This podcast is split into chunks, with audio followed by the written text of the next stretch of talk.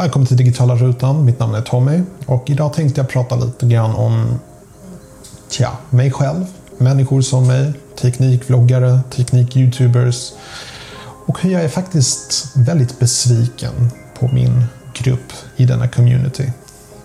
Mycket nöje.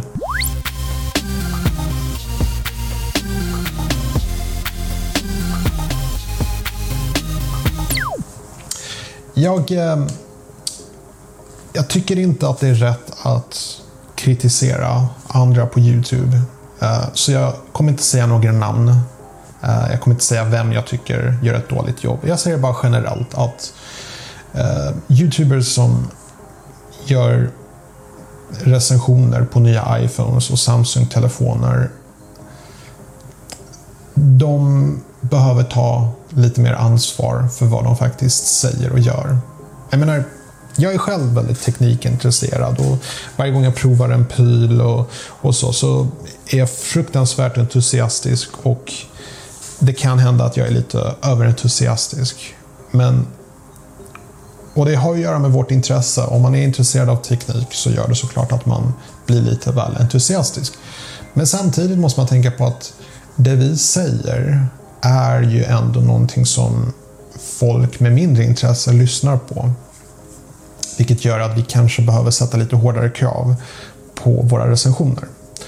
Um, om jag gör en recension på en ny iPhone så visst, den har en massa fantastiska saker.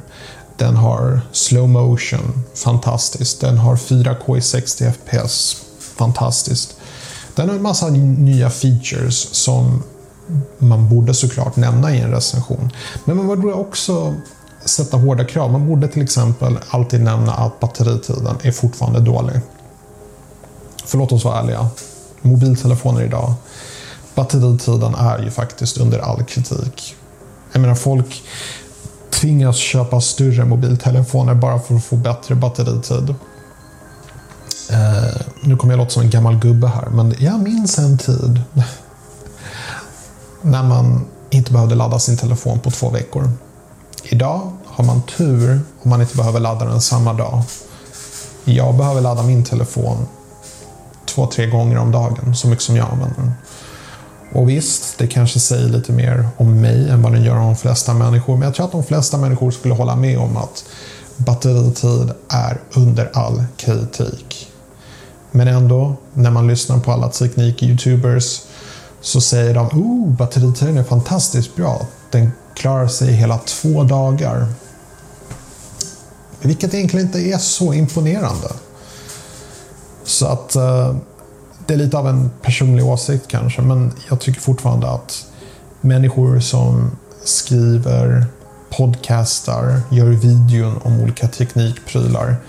Vi behöver sätta en hårdare ribba, alltså en gräns för vad vi tycker är okej. Okay. Vi säger att en kamera är bra och fantastisk. Jo, men i ärlighetens namn, den slår fortfarande inte en systemkamera eller en eh, uh, micro, micro four thirds kamera som jag filmar den här videon. Eller därför jag använder uh, en riktig dedikerad kamera istället för en smartphone för att filma det här avsnittet. Så det känns fel om jag filmar mig själv samtidigt som jag säger att den här kameran i telefonen är helt fantastisk. Hade den varit så fantastisk så hade jag ju filmat det här avsnittet med den. Det är lite så jag tänker. Men visst, när man pratar om teknikprylar så gör man ofta det här att man jämför dem med andra teknikprylar.